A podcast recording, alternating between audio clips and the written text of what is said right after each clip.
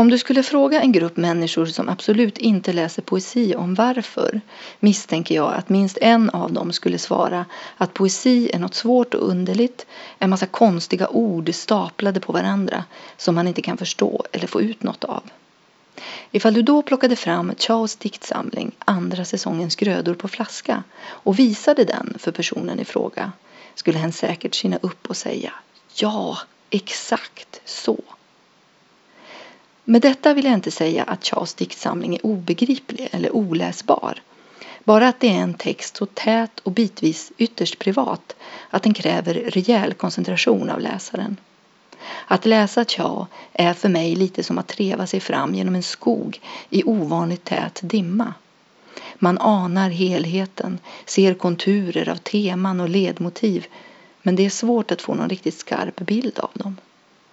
Bäst är kanske bara att låta sig svepas med och njuta av de formuleringar som då och då lösgör sig extra tydligt ur diset.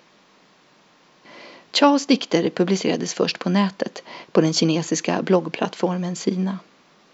Dikterna är daterade och kronologiskt ordnade vilket ger boken en dagboksartad struktur. De utgör en del av ett diktflöde som fortfarande lever även om det inte längre uppdateras med samma frenesi. Kanske har plattformen helt enkelt bytts ut. I detta får man förmoda åtminstone delvis självbiografiska skrivande framstår den personliga identiteten till en början som det mest tydliga temat.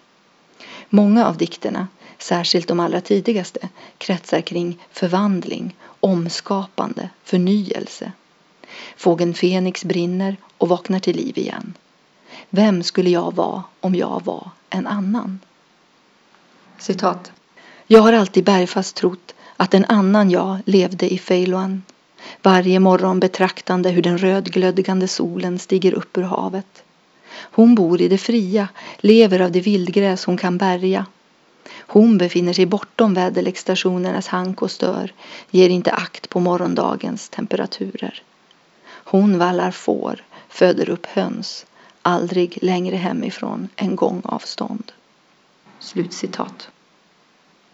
I ena stunden befinner sig diktjaget i en hembygd som är både välbekant och förändrad, älskad och avskydd. I den nästa är hon långt därifrån, slits mellan att höra till och att vilja ut. Citat. Under alla år som gått sedan jag lämnat landsbygden har vattenståndet i min kropp fortsatt sjunkit. Det finns de som skapat vattentäkter uppströms i mig. Min flod är full av falska vattengräs. Slutcitat. Här finns kärlek också. Ilsken, aggressiv. Kanske droger? Men dikterna glider undan mina försök till enkla tolkningar. Chaos formuleringar och bilder är helt enkelt för hisnande för att kunna begripas fullt ut. En känsla av mystik vilar över orden. Det är också här, i det mystiska, som Chas släktskap med andra kinesiska poeter blir som tydligast. Inte bara genom kopplingarna till den klassiska poesin med dess bägare fulla av skummande vin, drakbrunnste och månsken eller hästar som vadar över kalla floder.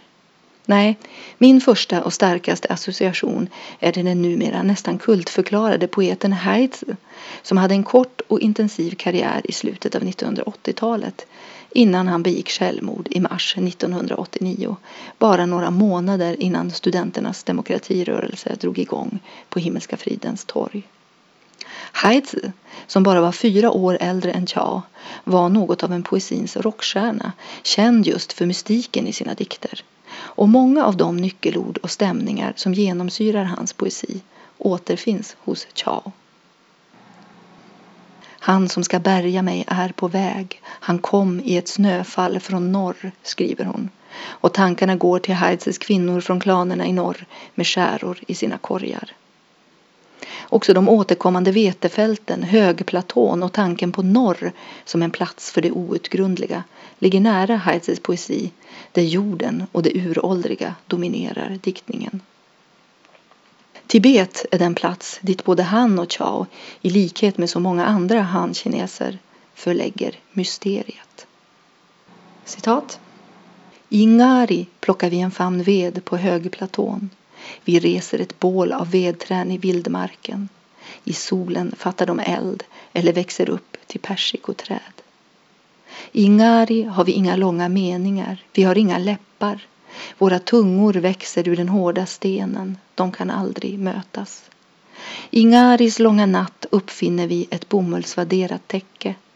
Inunder täcket stöter kota mot kota, svart mot svart. Slutcitat. Men till skillnad från Heidse stannar Cha inte i ett avlägset mytologiserat Urkina. Istället återför hon gång på gång läsaren till den moderna tiden på ett sätt som ger rent halsbrytande effekter. Där bilden av en man på havets botten som tillför kalk till de fjärran korallerna följs av blues med vaniljflingor, då kan du mjölka honom denna sömniga förmiddag, punkiga lunch.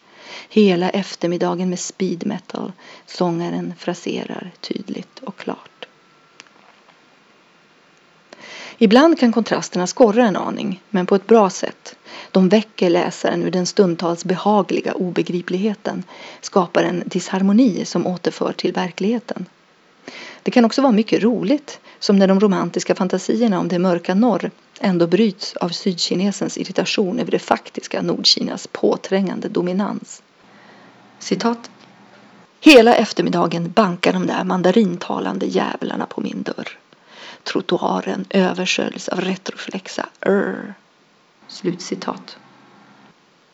Av denna anledning, det vill säga på grund av Chaos egna tvära kast från värdigt till vardagligt, stör jag mig vid en andra omläsning inte heller särskilt mycket på de av Göran Sommardals ordval som jag vid första läsningen retar mig på.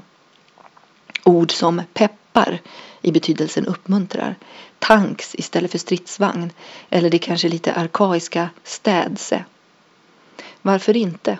Det är ju så Charles dikter fungerar. Ingen dikt håller riktigt samma tonfall hela vägen ut. När du har invaggats i tron att du läser något högstämt hamnar du plötsligt i Counter-Strike. Sommardal reflekterar också själv i sitt efterord kring den kinesiska grammatikens egenheter och hur han har angripit dem. Personligen är det nog där jag är mest oense med honom. I valet mellan när aftonen infinner sig febrilt roterar han skruvkorken och när aftonen infinner sig roterar han febrilt skruvkorken skulle jag utan att tveka ha valt det sista. Dikterna är tillräckligt komplicerade som de är utan något extra främmandegörande av språket. Men Sommardal är konsekvent och hans val är medvetna. Det kräver en del mod att låta det kinesiska språkets annorlundahet skina igenom i svenskan. Några förklarande kommentarer hade dock inte suttit helt fel i den här diktsamlingen. Fotnoter i skönlitteratur är ett dilemma. I en roman känns de ofta malplacerade, i vägen, störande. Men när texten är uppdelad i kortare enheter som i en diktsamling fungerar det oftast bra. En liten not vid diktens slut stör inte, möjligen uppmuntrar den till omläsning, vilket bara är bra. Är det nödvändigt för läsaren att veta vem Dong Jong är eller att Susan var en vacker och godhjärtad prostituerad som falskeligen anklagades för ett brott hon inte hade begått? Kanske inte, men det kan ge ytterligare dimensioner åt texten. Mina egna favoriter i andra säsongens grödor på flaska är de ställen där det kryptiska plötsligt rätar på sig en aning och dikterna blommar ut i små mininoveller som till exempel platsen för skottlossningen på 21 våningen. Citat. Dagen för jordbävningen tar hon med sig pistolen och beger sig upp till 21 våningen. Det svarta handeldvapnet kamoufleras av ett leende. I två år har handflatan knådat kulan. Varje dag gör hon en kalkyl över var hon i nästa sekund ska träffa honom, i vilken del av honom kulan ska gå in. Mellan ögonen, eller mer åt tinningen till, eller det dunkla högra bröstet eller den vulgära högerhanden. Slutcitat. Eller den mer sagolika dikten om den lågmälda ekorren som börjar Den där lågmälda ekorren var föräldralös. Spårlöst försvann hans far en regnig kväll bort mot det sägenomspunna norr för att samla nötter. Hans mor, som vaktade ett pinjeträd, förvandlades till sten och föll i barrskogen ner och slutar med att ekorren helt sonika förlorar sin nationella tillhörighet och återvänder till fiskens hemtrakter. Så till poesiskeptiken i den här textens inledning skulle jag ändå vilja säga Det gör inget om du inte begriper allt vid första genomläsningen. Det spelar ingen roll om du inte förstår vad Chao menar när hon skriver Ljusförloraren drar ut den svarta byrålådan, trevar sig fram mot regnet från förr. Eller Natten för månförmörkelsen befinner sig ulv och schakal på flykt och strax den undergångsdömda jassen. Du kommer att hitta andra saker i den här diktsamlingen. Rader och strofer som biter sig fast och ger dig nya tankar. Och om du läser den en gång till hittar du fler.